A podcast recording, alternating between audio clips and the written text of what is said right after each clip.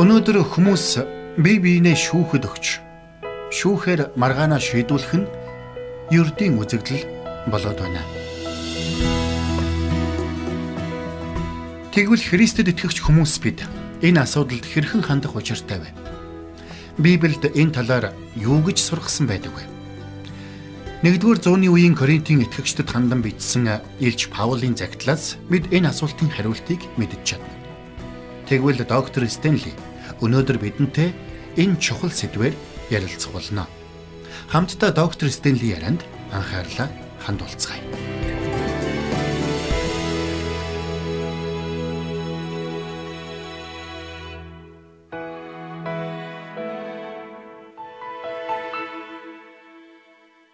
Христэд итгэгчид бид бие биенээ шүүхэд өгч болох уу? Христэд итгэгчид бид өөр хоорондоо зөрчлөө шүүхээр шийдвэрлэх нь зөв үү? Хэрвээ танд энэ мэт асуулт байгаа бол 1-р Коринтын 6 дугаар бүлгийн 1-д харъя. Илч Паул дээрх асуултуудад ийхүү хариулсан байх юм. Ингээд хамтдаа 1-р Коринтын 6 дугаар бүлгийн 1-ээс 8 би танд дуудаж өгье. Та нараас хэн нэг нь хөршийнхөн эсрэг зарахтай бол тэр ариун хүмүүсийн өмнө бус харин зөвхт бус хүмүүсийн өмнө шүүлгэхийг зүрхлэн гэж юу? Эсвэл ертөнцийг ариун хүмүүс шүүн гэдгийг та нар мэддэггүй юм уу? ертөнц ч та нараар шүүгдэх байдал. Та нар багахан хэргийг шүүх чадваргүй юу? Бид тэнгэрлэгч нарыг шүүн гэдгийг та нар мэдэхгүй гэж юу? Тэгвэл энэ амьдралын аар саар хэрэг тэрнээс чинь бэрх гэж юу? Хэрв та нарт энэ амьдралын шүүхийн хэрэг зарга байгаа бол чуулганы хувьд үн хүндгүүчүүдийг шүүгчээ болгоно гэж юу? Би та нарыг ичээхийн тулд ярьж байна. Та нарын дунд ах дүүсийнхээ хоорондохыг шийдэх чадвартай мэрэгэн хүн ганц ч байхгүй гэж юу? Ах дүү нь ах дүүстэйг тэр тусмаа үл итгэгчдийн өмнө шүүгдэх гэж юу? Бие биетэйгээ шүүгдэж буйна. Та нарын хувьд аль хэдийнэ ялагдал болжээ. Ингэснээс яагаад буруутгагдаж болохгүй гэж, яагаад лөвөрдүүлж болохгүй гэж. Гэтэл та нар өөрсдөө бүр ах дүүсээ хүртэл буруутгаж лөвөрддөг аж. За тэгэхээр өнөөдөр бид хүний эрхийг хэд дээдлсэн нийгэмд амьдарч байна. Өөрөөр хэлбэл хүн бүрл би эрхээ эдлэхийг хүсэж байна би эрхээ эдлэж чадахгүй байна. Хэрвээ би эрхээ эдлэж чадахгүй бол чамайг шүүхэд өгөх болно. Би шүүхээр дамжуулаад эрхээ эдлэх болно гэж хэлдэг болсон байна. Өөрөөр хэлбэл хүмүүс савл хийвэл шүүгдэлцдэг болж. Өнөөдөр бид ийм л цаг үед амьдарч байна. Гэтэл Илж Паулийн амьдарч байсан цаг үед шүүхийн танхим гэдэг хамгийн эцсийн арга замд нь тооцогддог байсан гэдгийг бид ойлгох хэрэгтэй. Өнөөдөр хэн нэгэн биднийг хуурч мэхэлвэл бидэнд маргаантай нөхцөл байдал үүсвэл бид хамгийн түрүүнд шүүхэд ханддаг болсон. Ингэснээрээ бид шүүхээр дамжуулан өөрийн эдлэх эрхийг цаад хүндээ тулган хүлээлгэхийг оролдож байна гэсэн үг юм. Гэвч үнэн хэрэгтээ шүүхийн шийдвэр бол дандаа үнэн зөв байдаггүй. Орчин үед хэн илүү сайн хуулийн фермийг өөрийнхөө төлөө ажилуулж хэн илүү сайн өмгөөлөгч хөсөж чадсан шүүхийн танхимд ялалт байгуулах тохиолдол ердийн үзэгдэл болж хувирсан байна. Тэгвэл бид өөрсдийн асуудлуудыг шүүхийн өмнө очихгүйгээр шийдвэрлүүлж чадахгүй гэж үү? Саяхан би нэг эмэгтэйтэй уулзаж байснаа санаж байна. Тэр эмэгтэй нөхрийнхөө эсрэг зарга үүсгэж нөхрөөсөө салахаар шүүхэд хандсан байсан юм. Гэвч бурхан түүний зүрхэнд хүрч тэр энэ шийдвэрээсээ буцахаар шийдсэн. Тиймээс тэр өмгөөлөгчтэйгөө уулзаж салах өргөдлөө буцаахыг хүссэн байна. Харин өмгөөлөгч нь түүнд янз бүрийн баримт үзүүлж одоо та буцааж болохгүй. Бид хитрхи хол явчихсан гэж тайлбарлсан гэдэг. Нөхрөөсөө салхаа болж байгаа чинь сайн хэрэг. Би таныг нөхөртөөгөө эвлэрэх чинь хэрхэн туслах вэ гэж асуухын оронд тэр хүн үгүй бид заавал эхлүүлсэн ажлаа дуусгах ёстой гэж зүтгсэн байгаа юм. Хэрвээ тэр өмгөөлөгчийн оронд илүү бурханлаг хүн байсан бол асуудалд илүү өөрөөр хандаж болох байсныг бид эндээс харж байна. Тэгвэл Илж Паул жухамдаа ийм л зүйлсийн тухай өгүүлсэн юм. Бид энд нэг зүйлийг ойлгох хэрэгтэй гэж би бодож байна ихэнх хуулч өмгөөлөгчд үүнтэй санал нийлэх баг. Юу гэвэл хүмүүс шүүхээр хэрэг заргаа шийдвүлэхээр эрэхтэй. Ихэнх тохиолдолд өнгөн дээр хууль дүрм ярдагч үүнийхээ цаана уур хилэн үзэн ядалт ата хорсол ихэрхэл бардамлаа нууж байдаг юм. Харин Христэд итгэж Бурхны хүүхдүүд болсон хүмүүсийн хувьд итгэгч ахын дүүстэйгээ үүсгэсэн хэрэг заргаа шийдвүлэхээр шүүхийн байгууллага руу яаран гүүх нь зөв алхам биш гэдгийг би энд онцлмоор байна. Харамсалтай нь энэ тал дээр Христийн чуулган болон чуулганы өдөрдөгчд ихэвчлэн алдаа гаргадаг. Уг нь бол Паул бидэнд ийм асуудлыг хэрхэн шийдэх арга замыг маш тодорхой хэлж өгсөн юм. Тиймээс Бурхны үгийг дагдаг. Бурхны үгэнд итгэдэг чуулган бүр тэдгэр заавруудыг дагаж мөрдөж байх учиртай юм. Харамсалтай нь чуулган энэ талбар дээр Бурхны үгийг бүрэн дүүрэн дагаж чадахгүй явж ирсний улмаас өнөөдөр итгэгчид асуудлаа шийдвэрлүүлэхээр шүүхийн хаалга татахыг илүүд үзэх болсон байна. Тэд эвлэрхийг, ойлголцохыг, уучлахыг, өршөөхийг энэ тэргуунд тавих ус. Харин шүүхээр дамжуулан өөрийнхөө эрхийг хамгаалуулахыг энэ тэргуунд тавих болсон байна. Үүний улмаас заримдаа нэг сүм чуулганы итгэгчид бид бие бинээ шүүхэд өгөх тохиолдолч гарах болсон. Улмаар тэд асуудлуудаа шүүхээр шийдүүлсэн ч үргэлжлүүлэн нэг чуулганд хамрагдсаар чуулган дотроо үл ойлголцол хагарал үл уучлалыг түгээсээр байдаг. Нэг нь нэг захад. Нөгөө нь эсрэг талд суучгаад өөр хоорондоо үг сольдөгчгүй, мэдлдэгчгүй, харилцдагчгүй. Олон жилийн туршид адилхан номлол сонсож, адилхан үгээр ятгагдсан ч үг дуурдаггүй хിവэрэ явсаар байдаг. Тэдний энэ байдлын цаана нэг нь шүүхэд ялсан, нөгөөх нь шүүхэд ялагдсан ичгүр оршсоор. Үл уучлал, уур хилэн, атаа хорслоо тээсэр байдаг. Үнэндээ ийм нөхцөл байдлыг зөвтгөх ямар ч арга байхгүй юм. Ийм нөхцөл байдлыг сүм чуулган хүлээн зөвшөөрч болохгүй.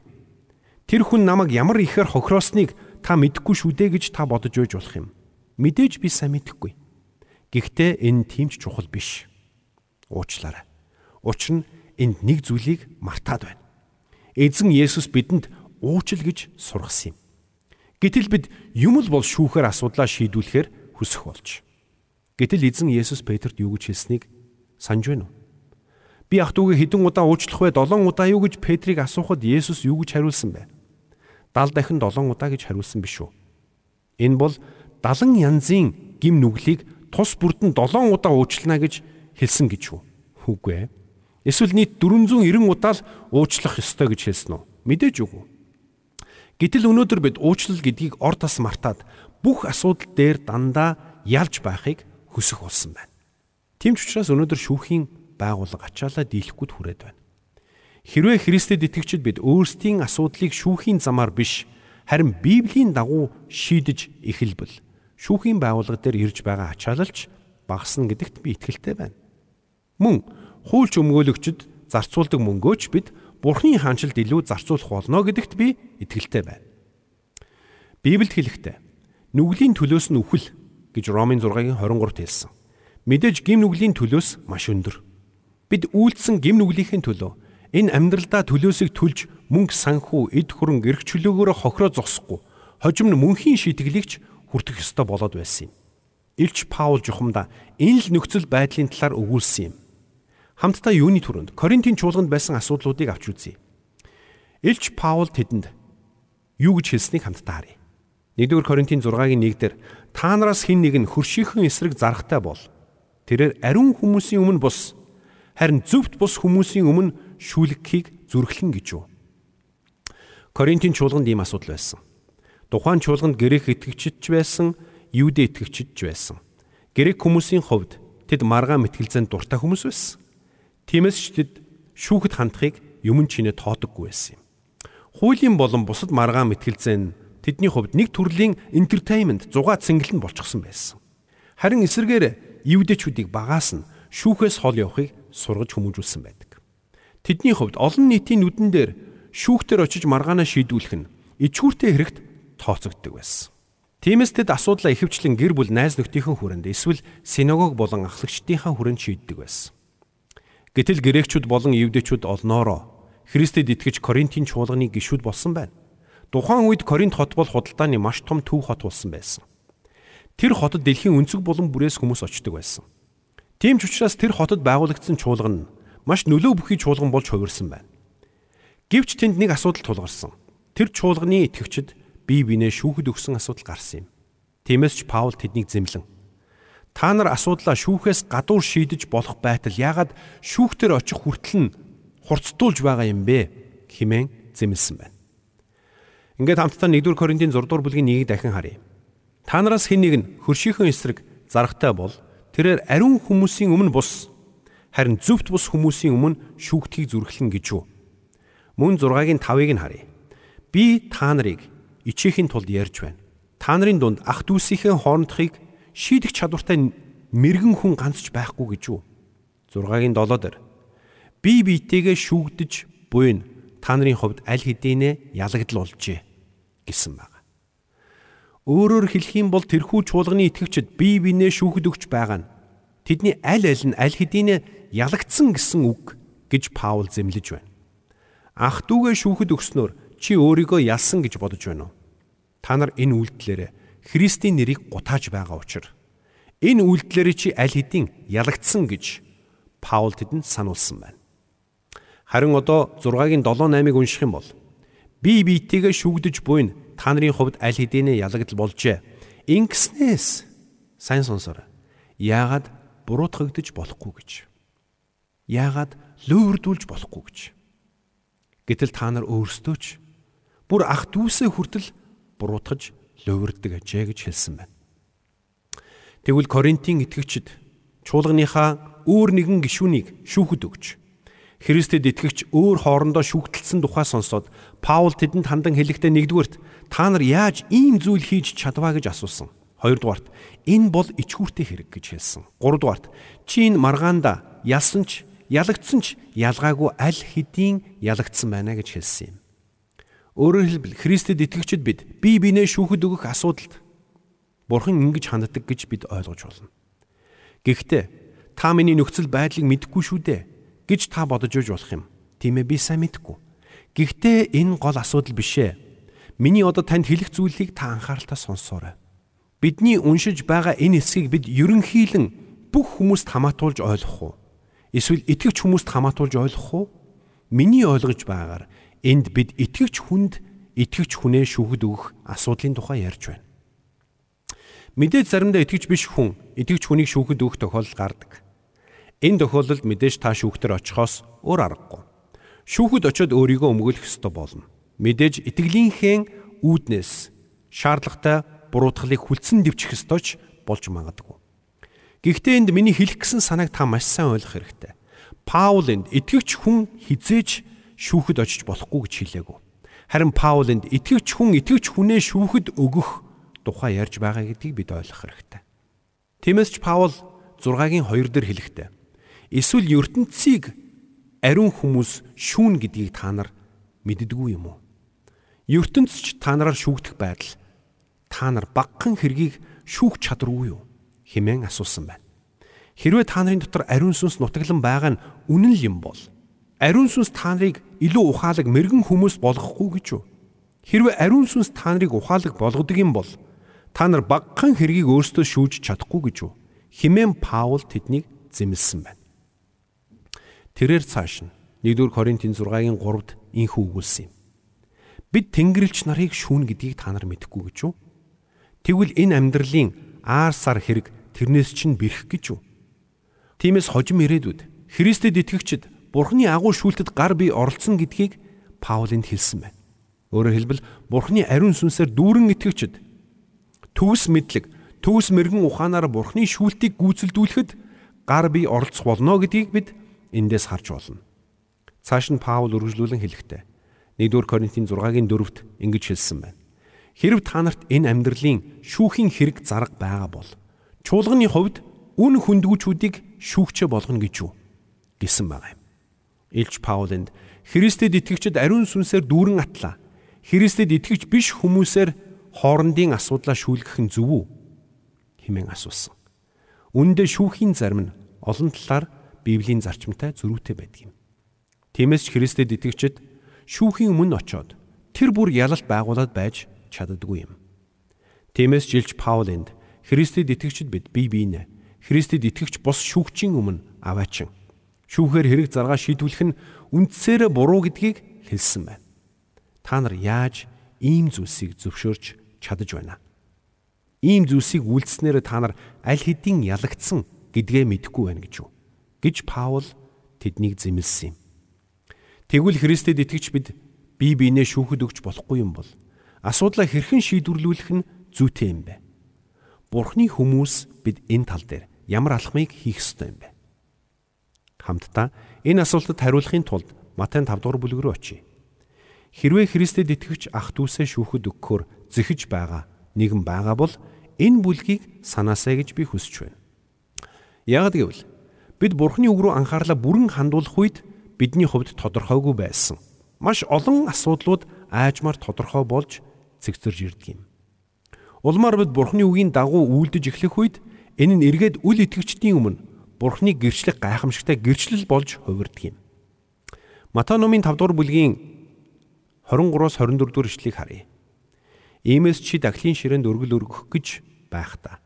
Чиний эсрэг ямар нэгэн юм ах дүүд чинь байгааг сануул. Өргөлөө дахлын ширээний өмнө орхиод замаараа буц. Эхлээд ах дүүтэйгээ эвлэр. Дараа нэрж өргөлөө өрг. Өнөөдөр Христэд итгэжтийн дунд нэг нэгнээ шүүхэд өгч Үүнээсээ болоод харилцсан бие биедээ гомдож, харилцсан бие биедээ хорсож, уурлаж бухимдах явдал баггүй тохиолдох болсон байна. Гэтэл тэр хүмүүс зүгээр л нэг нь нөгөөдөр очиод уучлаарай. Миний буруу байсан. Намайг уучлаарай. Хоёулаа энэ асуудлыг ив зүгээр шийдье. Энэ асуудлыг шийдэхин тулд би ямар алхам хийх хэрэгтэй вэ? Түүнийг нь би хий. Би энэ асуудлыг шийдэж чамайг хохирлгүй болгохын тулд Бурхны нэгүслэр чадах бүхнээ хийх болно найз минь гэж хэлсэн бол асуудал илүү амархан шийдэгдэж болох байсан биш үү? Гэхдээ инглигээд ч миний эрх зөрчигдөөд байна шүү дээ гэж та бодох уу? Үгүй дээ найз минь. Ингэж хэлснээрээ та харин ч миний бардамцан, миний амин хуваа хичээсэн үзэл намайг хин нэгний өмнө очоод бурууга хүлээж уучлалт гуйхыг зөвшөөрөхгүй байна гэж хэлж байгаатай агаар нэг юм. Би танд нэг зүйлийг хэлье. Итгэвч ахан дүүгээ шүүхэд өгөхөөс өмнө Христийн загалмайг санаарай. Есүс Христ огт гим буруугүй атлаа. Загалмайг үүрсэн гэдгийг та санаарай. Хамтдаа Матай номын 18 дугаар бүлэг рүү очих юм бол өөр нэгэн адил төстэй зарчмыг харах болно. Матай 18-ийн 15-аас 18-ыг харъя. Ах トゥ чин нүгэл үйлдвэл явж түнтэй ганцаарчлан уулзаж зэмэл. Хэрвээ тэр чамайг сонсвол чи ах トゥ гээ олж авсан хэрэг. Харин тэр үл сонсвол өөртөөгөө хамт нэг эсвэл хоёр хүн дагуул. Тэгвэл хоёр юм уу гурван гэрчийн амаар хэрэг нь бүрэн нотлогдох болно. Тэр тэднийг сонсохоос татгалзвал чуулганд хэл. Хэрв чуулганыг ч хүртэл ил сонсвоос тэр чиний хувьд харь болоод татвар хураагч мэт байг. Үннээр би та нарт хэлье. Та нар газар дээр юуг холбоно? Тэр нь тэнгэрт холбогдох бөгөөд та нар газар дээр юуг тайлна? Тэр нь тэнгэрт мөн тайлагдах болно гэж айлтлаа. За тэгэхээр энэ нь та бүх асуудлаа чуулган даяар нэгд нэгэнгүү зарлаж чуулганы бүх хүмүүст долоон булчирхаагаа тоочно гэсэн үг биш ээ. Энд чуулган гэсэн үгээр Паул чуулганы төлөөлж буй бүлэг хүмүүсийг хэлсэн юм. Паулын энд хэлсэн үгнээс авч үзэх юм бол та анхааралтай сонсоорой. Чуулганы үнэн шүүлтийг бурхан хүндлэн авч үздэг юм байна. Гэсэн санаа илэрхий харагдаж байна. Тэгвэл бид асуудалд хэрхэн хандах нь зүйтэй юм бэ? Мэдээж итгэвч хүн хизээч шүүхтэр очиж болохгүй гэж Паул хэллээгүй. Мэдээж хэн нэгэн хүн таныг шүүхэд өгвөл та шүүхэд очихоосоор аргагүй болно. Харин итгэвч хүн итгэвч хүнээ шүүхэд өгч болохгүй гэсэн утга санааг Пауланд хэлсэн гэдгийг ойлгоорой. Үүн дээр нэмээд би өөрийнхөө үзэл бодлыг хэлмээр байна. Миний бодлоор бол хэрвээ танаас шалтгаалж байвал хэрвээ таныг хэн нэгэн хохироосон бол цаад хүн чинь итгэвч хүн эсвэл итгэвч биш хүн байхаас үл шалтгаалаад та тэр хүнийг шүүхэд өгөхөөс аль болох зайлс хийвэл зүгээр гэж би бодож байна. Мэдээж агуу хүчит бурхан таны төлөө шудраг ёсыг шүүх болно. Бас танд нүхэн төлөх болно. Тиймээс миний бодлоор бол ийм байдалд орох үедээ бид эзэн минь ээ би энэ асуудлыг таны үгэнд бичгдсэнчлэн танд өргөж байна. Би ах дүүгээ шүүхэд өгөхөөс татгалзаж энэ асуудлыг танд өргөж байна хэмээн залбирх нь илүү ухаалаг хэрэг гэж би бодож байна. Өнөөдөр маш олон хүн ах дүүгээ найз нөхдөө тэр бүхэл эхнэр нөхрөө шүүхэд өгч байна. Үнэндээ бид ингэснээр ялалт байгуулж чадахгүй гэж би бодож байна. Та миний нөхцөл байдлыг мэдэхгүй шүү дээ гэж та гомдлож байна уу? Болно. Тийм ээ би мэдэхгүй. Гэхдээ бурхан мэдэж байгаа. Тэгэд бурхан үнийг бүх хий гэж айлтсан байна. Хэрвээ та асуудлыг шүүхээр шийдвэрлүүлэх гэж оролдож байгаа бол үүгээрээ та асуудлыг өөрийнхөөрөө шийдэх гэж оролдож байна гэсэн үг юм. Магадгүй миний хэлж байгаа үг танд таалагдахгүй байж болно. Тэгвэл та Бурханаас асууж залбираарай. Бурхан минь, доктор Стенли үнэн ярьж байна уу? Эсвэл худлаа ярьж байна уу? Эсвэл би таны үнэнд хэлсэн үннийг сонсхийг хүсэхгүй байна уу гэж асуугаарай. Учир нь би танд үннийг хэлж байна. Юу гэвэл бид шүүхээр асуудлаа шийдвүлэхээс өмнө суугаад асуудлаа Бурханы өмнө өргөх үед Бурхан өөрийн тогтсон цагт өөрийн тогтсон арга замаар шудраг эсийг гарцаагүй тогтоох болно. Би танаас асууя. Бурхан шудраг үнэн үү худлаа юу? Мэдээж үнэн. Бурхан шудраг. Амен. Хэрвээ бурхан шудраг юм бол хин нэг нь танд шудраг бусаар хандаж байгааг зүгээр хараад сууна гэж үү тэр? Таныг шудраг бусаар хохироосон бол танд нөхөн төлбөрийг шударгаар олгохгүй гэж үү? Өнөөдөр маш олон хүн шүүхийн тахимд маргалдаж, мэтгэлцэж, тэмцэлдэж байна. Тэр бүхний үр дүнд хуулж өмгөөлөгчд улам бүр баяжиж, хөлжиж байна. Энэ бол буруу.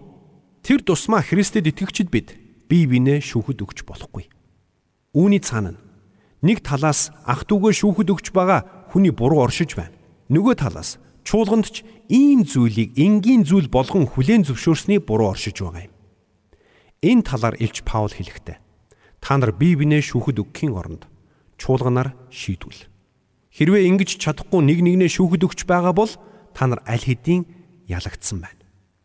Та нар ингэж шившгэ дэлгэхийн оронд харин ч яагаад буруудаж болохгүй гэж яагаад хохирч хоцорч болохгүй гэж та нар Христийн уучлал өршөөл эвлэрлийг гэрчлэн харуулахын оронд уур хилэн ата хорсол үзэн ядалтыг өдөөж байгаа.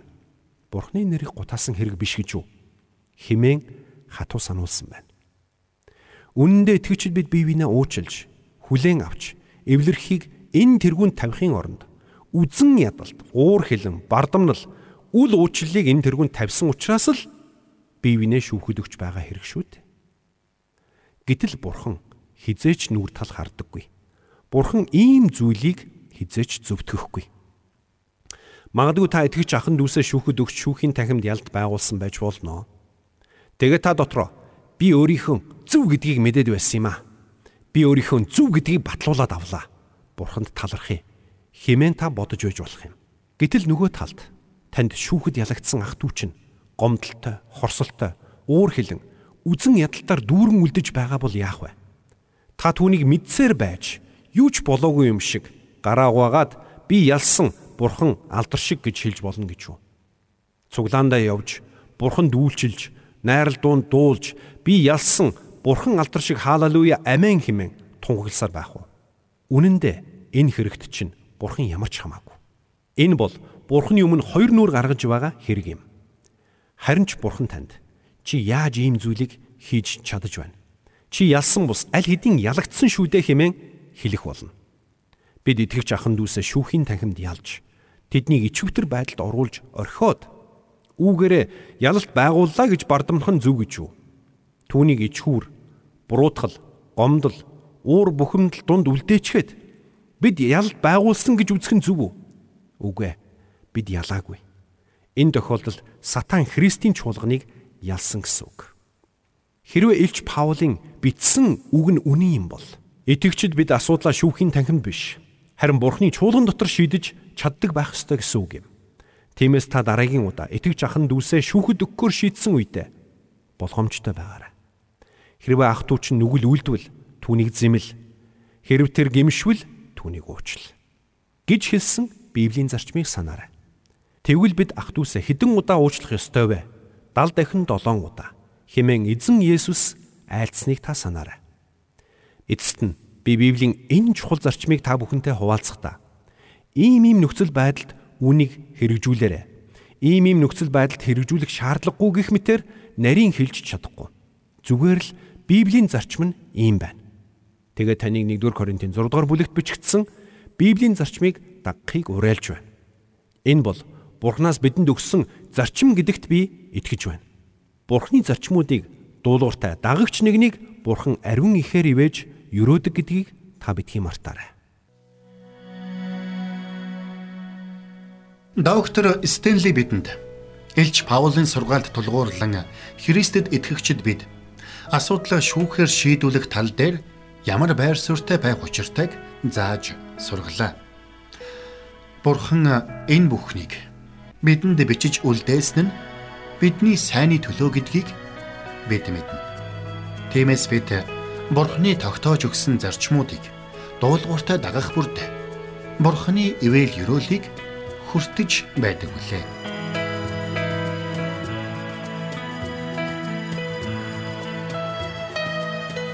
Бурханд тэмүүлсэн сэтгэл хүмүүсийг энэрх зөрхөөр амьдрахад туслах номлогч доктор Чарлз Стенлигийн хамттай нэвтрүүлэг сонсогч танд хүрлээ.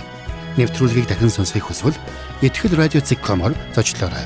Бидэнтэй холбогдохыг хүсвэл 8085 99 тэгтэг дугаард хандаарай.